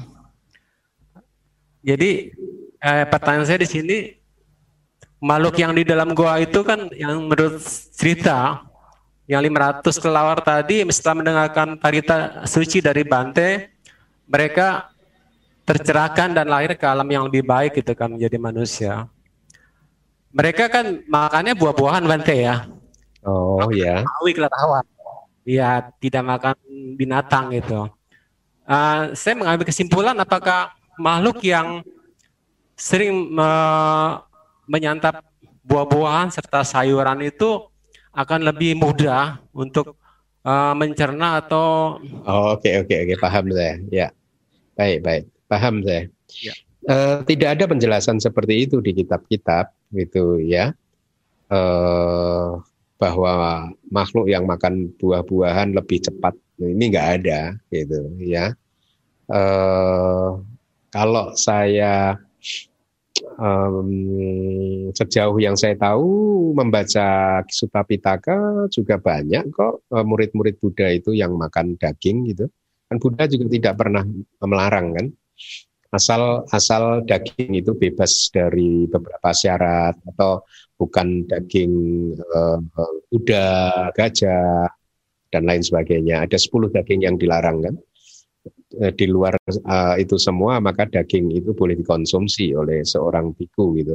Dari faktanya Buddha tidak melarang maka tidak ada hubungannya, Pak. Kalau ada hubungannya pasti Buddha akan melarangnya sih. Melarang uh, siapa pun untuk makan uh, daging dan juga uh, menganjurkan untuk makan buah-buahan saja gitu atau sayuran. Demikian ya, mudah-mudahan menjawab. Iya, sekaligus sekali lagi bantu ya. Uh, satu pertanyaan saja, Pak. Oh iya, makasih nama bantu ya. Anu mudah Bante. Iya. Terima kasih. Terima kasih untuk penjelasannya Bante. berikutnya kami berikan kepada kesempatan bertanya kepada saudara Paulus Petrus.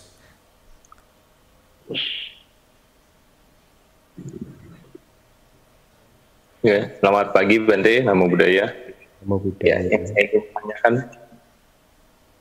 yang ingin saya ingin tanyakan Bante, uh, kita tahu waktu Buddha ya uh, apa diserang oleh gajah Giri, Girinanda itu kan Buddha mengeluarkan metanya gitu Bante. Nah, bagaimana uh, kita sebagai umat alam itu bisa mempraktekkan meta gitu Bante?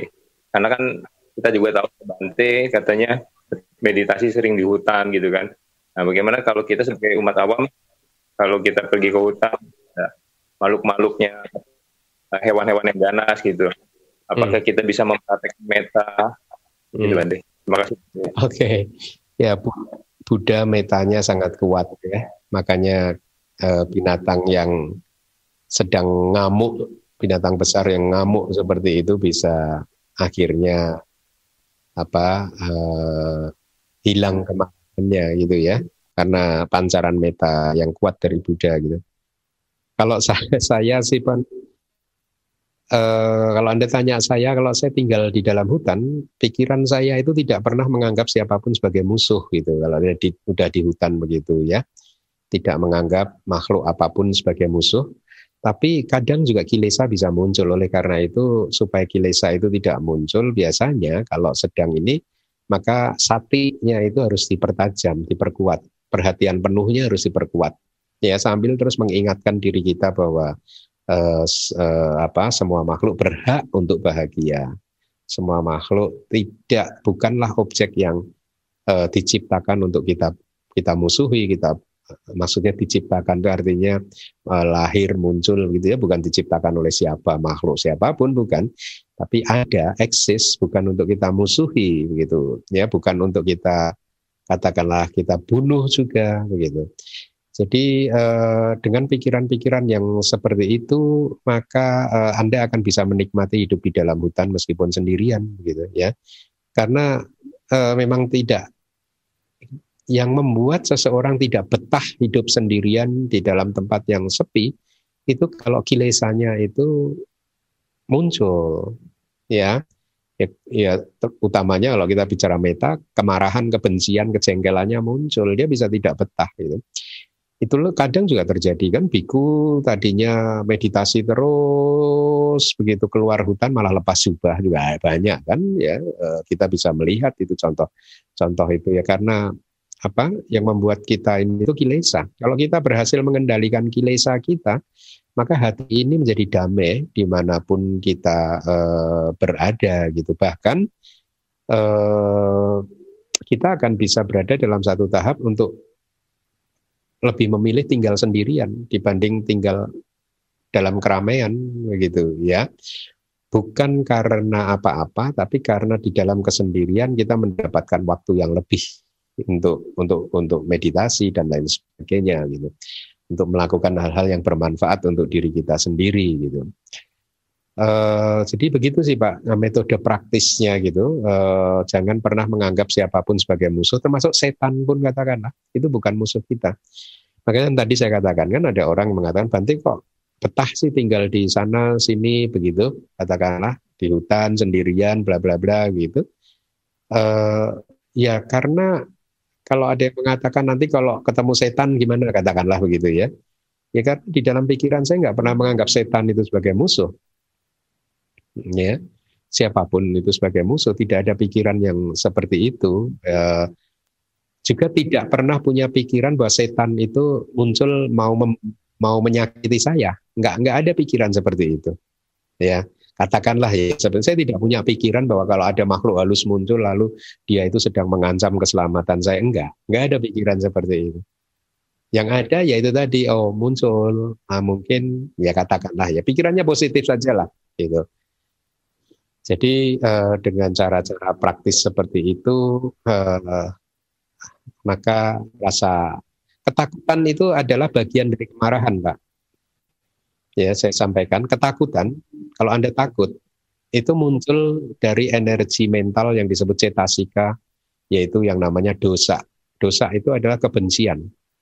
Kebencian, kemarahan, kejengkelan, ketakutan itu muncul dari cetasika yang sama dari faktor mental yang sama.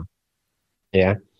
Nah, eh, semuanya akan jadi jelas kalau Anda bermeditasi dan kemudian mencapai konsentrasi yang benar karena pada saat itulah pancak niwarana itu eh, berhasil ditekan, lima rintangan batin berhasil ditekan sehingga batin Anda menjadi sangat jernih. Begitu pada saat itu terasa bagaimana batin yang bersih itu sangat membantu kita untuk hidup di mana pun karena benar-benar tidak ada musuh, tidak ada rasa permusuhan tidak ada musuh ketika batin itu jernih seperti itu gitu. Kira-kira begitu Pak. Mudah-mudahan menjawabnya.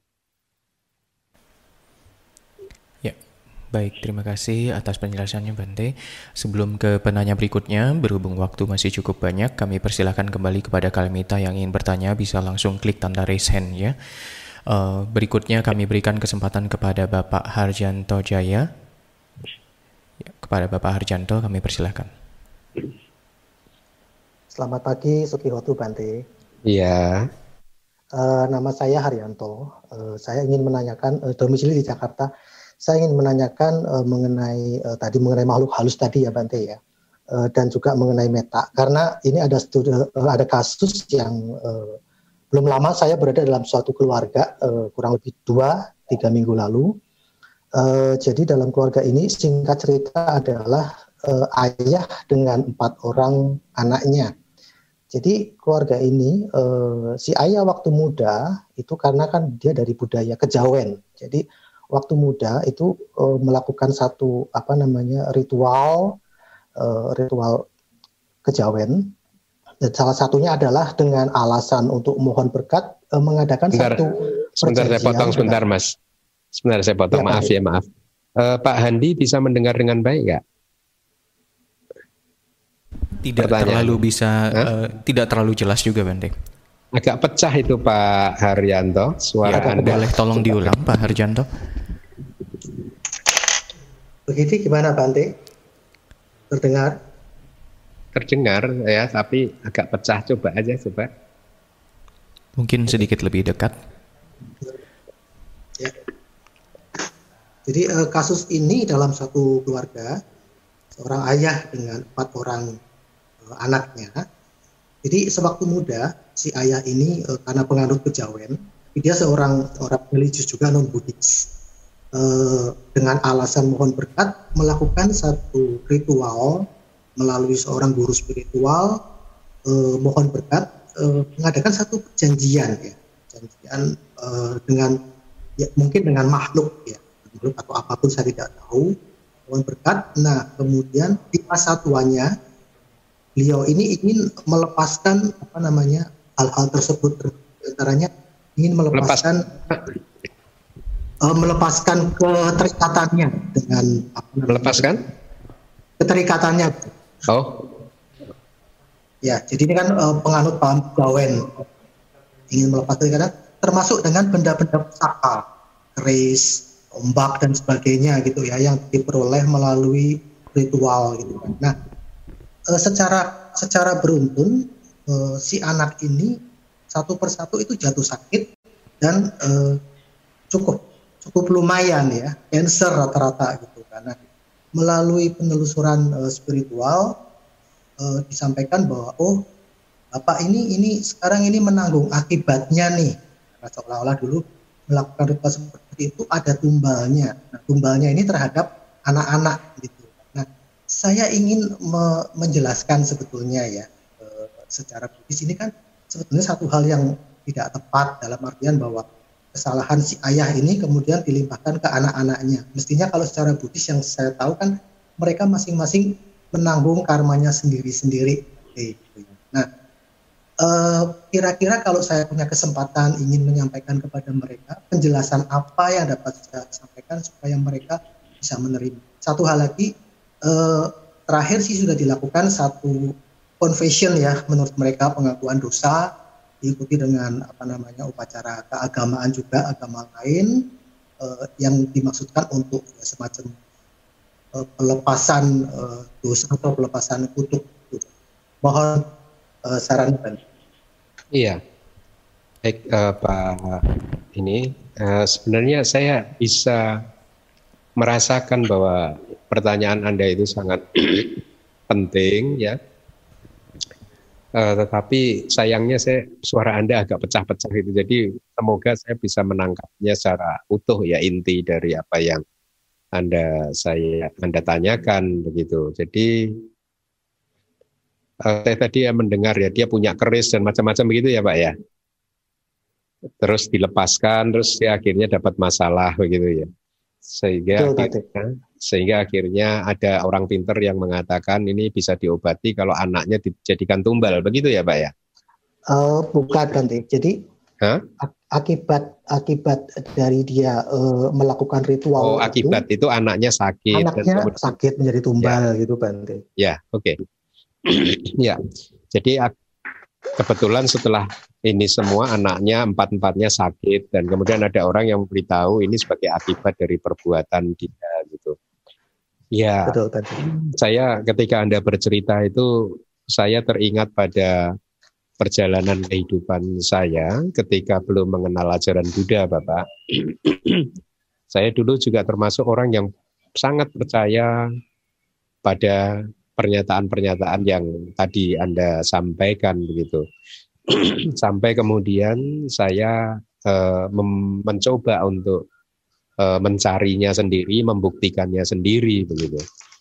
Jadi di masa lalu pun saya banyak berteman dengan orang-orang yang e, katakanlah dianggap sebagai orang-orang pintar seperti itu tadi. Ya. Itu banyak berteman karena memang sebelum ketemu dengan ajaran Buddha hidup saya itu dari satu hutan ke hutan itu ke beberapa hutan pindah-pindah kan. Uh, uh, saya juga banyak berteman dengan pertapa-pertapa dari kebatinan, kejawen dan lain sebagainya. Artinya pandangan-pandangan saya seperti itu, Pak. Tetapi setelah uh, menjalaninya sendiri begitu uh, lama-lama pandangan saya berubah gitu sampai kemudian setelah mengenal ajaran Buddha maka ya berubah akhirnya uh, apa yang saya yakini sebagai kebenaran dulu itu ternyata tidak benar jadi uh, saya rasa untuk mengatakan bahwa si anak itu empat empatnya itu sakit karena menanggung akibat dari uh, uh, perbuatan orang tuanya itu spekulatif, Bapak. Ya, spekulatif. Uh, anda benar, memang uh, semua itu lahir dari karma sendiri, mewarisi dari karmanya sendiri, dan lain sebagainya. Tidak ada satu perbuatan yang bisa di akibatnya efek dari satu perbuatan bisa diberikan kepada orang lain. Ya, misalkan saya berbuat jahat lalu buahnya biar yang menerima orang lain tidak bisa. Buah dari karma tidak pernah salah alamat. Buah dari karma akan muncul hanya kepada mereka yang menanamnya gitu. Jadi eh, itu yang harus diyakini. Nah, kalau kemudian anak sakit itu mungkin karena timingnya aja memang harus sakit dan lain sebagainya. Tetapi pesan saya, pandangan benar harus diperkokoh, Bapak. Ya, jadi karma dan buahnya tidak pernah bisa berpindah. Ya, artinya karma saya lakukan, kemudian buahnya diterima oleh orang lain, gitu. Atau sebaliknya, saya menerima buah dari perbuatan orang lain, tidak bisa seperti itu. Ya, kalau seorang or, kalau orang tua sedang menghadapi masalah yang besar, kemudian anaknya itu juga ikut merasakan terkena imbasnya, itu wajar-wajar saja begitu. Ya. Misalkan orang tuanya mengalami masalah ekonomi sehingga uh, ekonominya hancur total, maka anaknya pun juga akan mengalami kehidupan yang susah. Itu bisa dijelaskan sesuai dengan hukum karma. Penjelasannya adalah begini Bapak, masing-masing dari manusia atau makhluk siapa pun itu sudah mempunyai timbunan benih karma yang jumlahnya tidak terhitung. Nah, benih-benih karma ini itu sewaktu-waktu bisa saja berbuah kalau dia bertemu dengan salah satu kondisinya gitu. Ya, salah satu kondisi itu yaitu kalau kita hidup di tengah-tengah orang yang baik, maka itu adalah pupuk yang menyuburkan benih karma baik kita.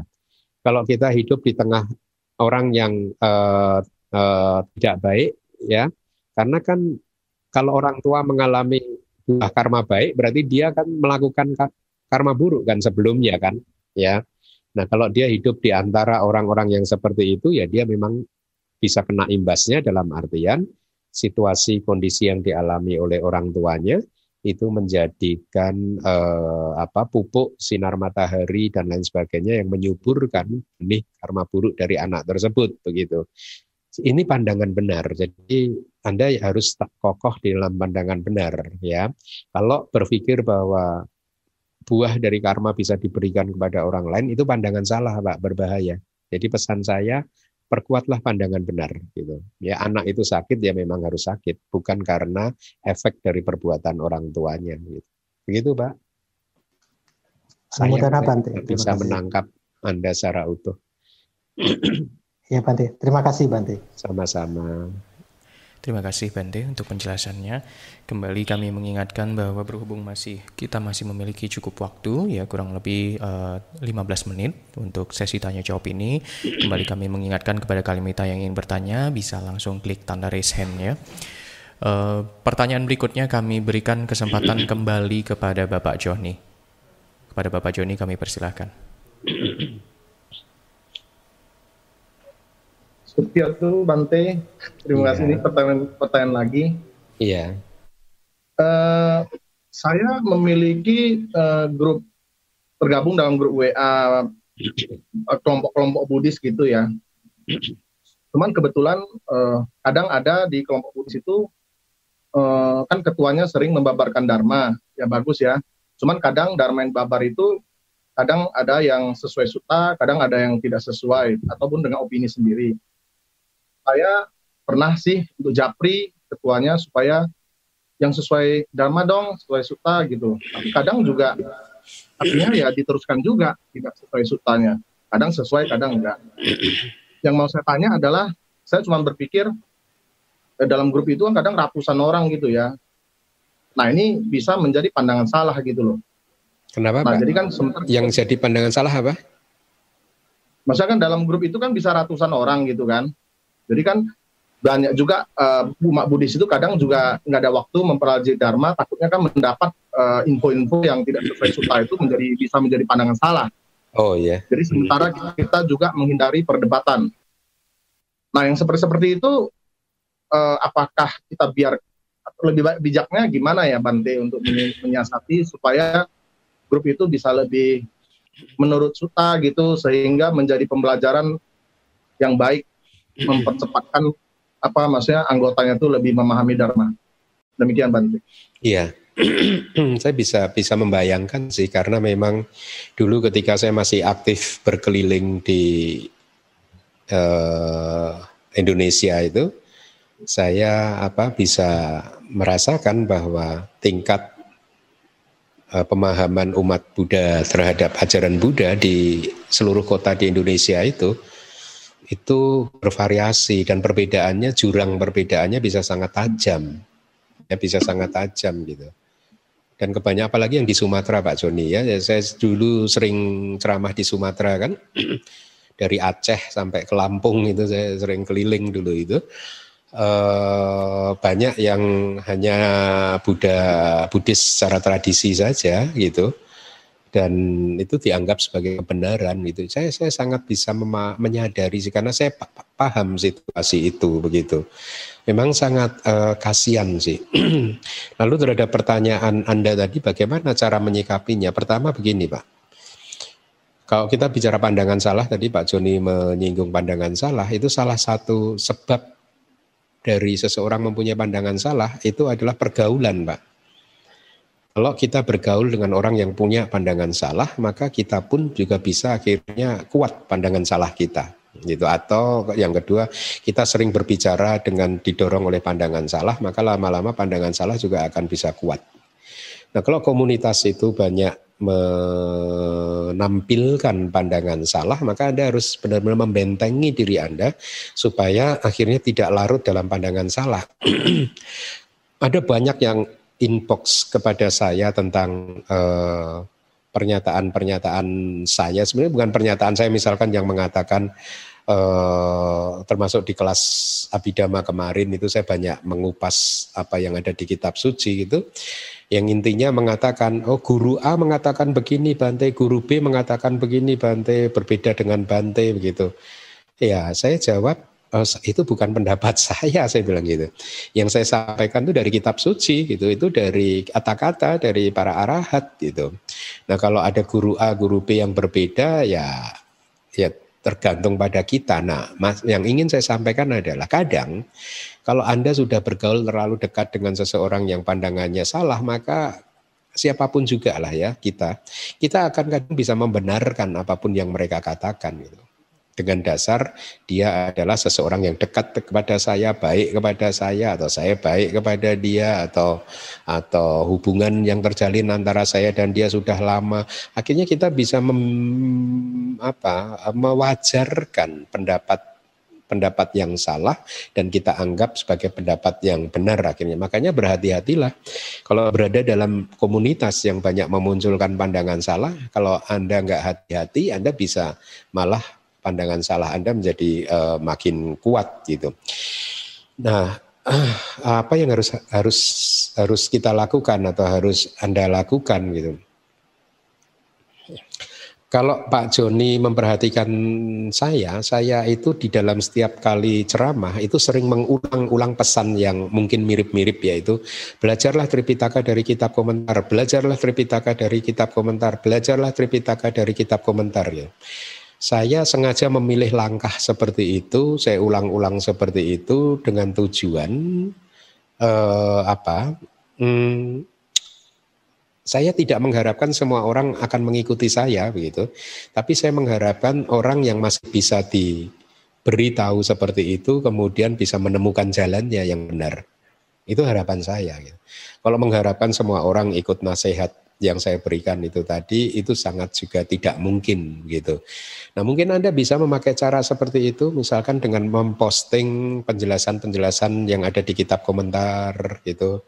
Kan e, misalkan kalau sulit kan kalau di Indonesia mencari penjelasan kitab komentar Anda bisa mungkin screenshot buku-buku e, terjemahan saya yang buku-buku saya itu kebanyakan terjemahan dari kitab komentar, Pak. Itu. Jadi mem mulai membudayakan atau menginformasikan, mendorong teman-teman Anda untuk mulai menginterpretasikan Tripitaka berdasarkan kata-kata, berdasarkan kitab komentar dengan dijelaskan kita nggak bisa loh belajar Tripitaka sendiri tanpa kata-kata, nggak bisa loh gitu. Yang ada adalah kalau Anda menolak kata-kata, menolak kitab komentar, maka Anda akan menginterpretasikan suta berdasarkan komentar Anda sendiri gitu, katakanlah begitu ya, Anda jelaskan. Nah, padahal Anda kan bukan arahat, ketika menginterpretasikan suta bisa salah. Lu pelan-pelan dengan niat yang baik saja begitu. Dengan niat yang baik gitu ya. E, mudah-mudahan ada yang tersadarkan dengan ucapan-ucapan anda begitu. Dengan diberi contoh gitu. Misalkan misalkan saja eh, kan kadang orang itu lebih cepat menerima kalau kita beri contoh. Anda bisa gunakan contoh ogak taranak suta itu yang paling enak untuk memberi contoh. ogak taranak suta itu khotbah tentang menyeberangi banjir itu loh, penyeberangan banjir. Eh, ada di YouTube-nya DBS, saya sudah pernah menyampaikan. Suta itu kalau dibaca paling satu menit selesai Pak, Pak Joni. Ogak Tarana Suta itu kalau dibaca maksimal paling lama dua menit. dua menit selesai. Nah, Anda, Anda, Anda, Anda ini kan sampaikan ke dia bagaimana mengartikan suta yang dua menit ini gitu. Atau bagaimana saya bisa membabarkan suta yang hanya dua menit dibaca selesai, saya babarkan selama satu jam. Artinya, selama 58 menit sisanya itu adalah komentar. Komentar dari saya. Tetapi saya mengambil komentar dari kitab komentar gitu. Nah bayangkan kalau pembabar dhamma atau guru dhamma yang tidak bisa membaca kitab komentar, membahas Ogak Tarana Sutta yang hanya dua tadi, yang 58 menit itu adalah komentarnya dia sendiri. Pendapat-pendapatnya si guru dharma itu sendiri. Padahal guru dharmanya ini bukan arahat. Jadi kemungkinan untuk melakukan kesalahan itu besar sekali. Nah, kita sayang kan kalau dalam kelahiran sebagai manusia kali ini kita mengikuti pendapat-pendapatnya seorang yang belum tercerahkan kan, yang bukan arahat kan, maka lebih baik kita ikut pendapatnya para arahat. Itu sikap saya. Itu bagi saya, saya lebih baik mengikuti pendapat para arahat yang ada di atas kata, yang ada di dalam kitab komentar. Makanya saya sangat menghormati kitab suci, kitab komentar begitu ya. Nah, dengan cara memberi contoh yang seperti itu atau memberi contoh dengan contoh yang lain misalkan Pak Joni, sabak papa saakara nangkusala saupasampada sacita pariyoda panang etam budana sasanang gitu. E, tanpa perbuatan e, segala perbuatan yang jahat ya atau bahasa awamnya begini, tidak melakukan segala jenis perbuatan yang jahat gitu, terus mengembangkan perbuatan yang baik, menyucikan hati dan pikiran itulah ajaran para Buddha. Bagaimana Anda mengartikan suta yang sederhana itu tadi? Apa yang disebut tidak berbuat baik, segala segala jenis perbuatan baik tidak kita lakukan. Itu perbuatan baik yang kayak apa saja? Terus perbuatan uh, perbuatan jahat yang kayak apa saja maksud. Terus perbuatan baik yang harus kita lakukan itu yang seperti apa? Terus menyucikan hati dan pikiran itu yang seperti apa? Nah, kalau kita ikut pendapatnya yang bukan arahat kan kita bisa tersesat gitu. Makanya lebih baik kita ikut pendapat kitab suci. Kitab suci itu ya termasuk kata-kata, kitab komentar begitu, Pak ya sayanglah kelahiran kali ini yang susah untuk didapat itu kita buang begitu saja dengan tidak mau mempelajari kitab suci dan hanya ber, beropini sendiri, berpendapat sendiri begitu. Sayang gitu.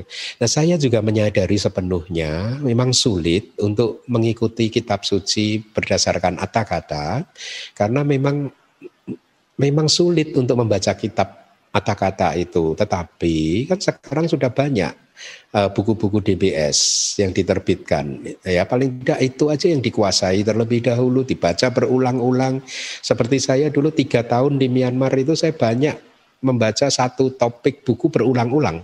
Ya, saya pernah membaca buku terjemahan Abhidhamma Sanggaha yang ditulis pada tahun kalau saya tidak salah ingat 1920. Bayangkan itu bahasanya susah itu, bahasa Inggris tahun 1920 itu. Itu susah sekali.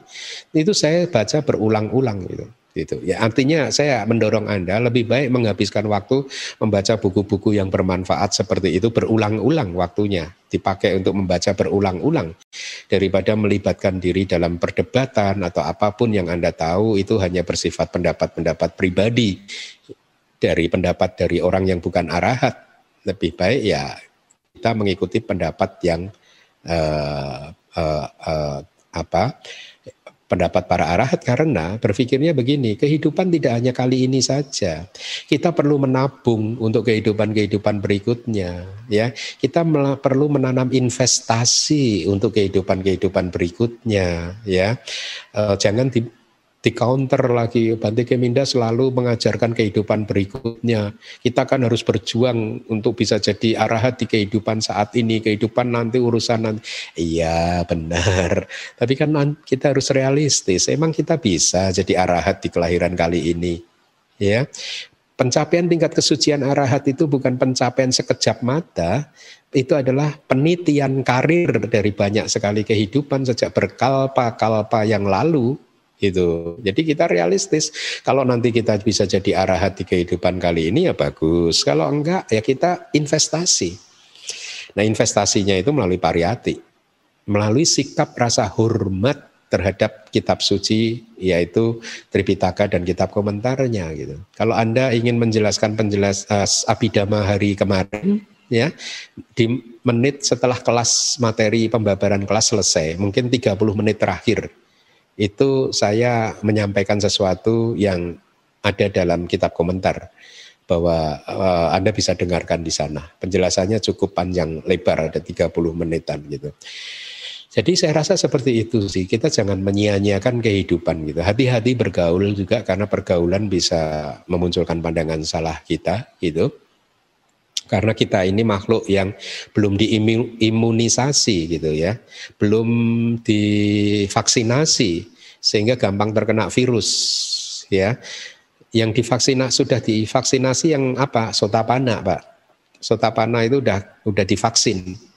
Dia udah enggak sotapana enggak mungkin kena virus untuk bisa lahir ke apa ya. Tapi putu jana masih bisa kena virus untuk bisa lahir ke apa ya loh, berbahaya loh maka hindarilah atau berhati-hatilah kalau bergaul dengan seseorang yang memiliki pandangan salah yang kuat. Demikian Pak Joni. Numodana Bante. Sadu. Baik, terima kasih Bante untuk penjelasannya. Berikutnya uh, kami informasikan merupakan pertanyaan yang terakhir. Uh, kami persilahkan kepada saudara Teddy Tahir untuk bertanya. Sukioto Bante. Yeah, Berbicara yeah. tentang Meta, ini saya mau bertanya bagaimana application dari Meta itu di saat berbisnis dan dunia kerja. Artinya uh, kita punya pilihan pengusaha itu ingin untung atau kita lebih mengembangkan Meta karena kita lebih peduli begitu karena kasihan dan sebagainya. Bagaimana pandangan Bante? Oh, Meta di dalam berbisnis ya. Hmm. Ya, ya selama Selama klien Anda berbahagia dengan barang tawaran Anda, Anda sudah melaksanakan meta. Iya kan? Um, tidak perlu tidak perlu apa ya ikuti aja aturan-aturan bisnis yang berlaku seperti apa gitu ya. Kalau sudah ada transaksi kan masing-masing berbahagia ya selesai. Ya, terkadang kan ada di posisi di mana uh, kita membeli atau kita bertransaksi karena kita butuh dan ya sometimes bisnis itu kan ada yang monopoli begitu ya. Cuma satu-satunya begitu. So it, it's not not meta actually. That's not about meta ya yang memonopoli ya. Ya ya kan ya banyak jenis ya. Kalau misalnya yang umum mungkin nggak nggak monopoli. Jadi tapi kan ada bisnis bisnis tertentu yang uh, monopoli lalu we got no other options except with him gitu loh. Oh. Kita harus berbisnis yeah, yeah. sama dia. Oke. Okay. Meta itu kita nggak pernah tahu sih uh, uh, situasi batin orang lain yang memonopoli seperti apa kita juga nggak pernah tahu. Katakanlah begitu ya. apakah pasti tidak punya meta juga itu spekulasi dari kita kan ya yeah.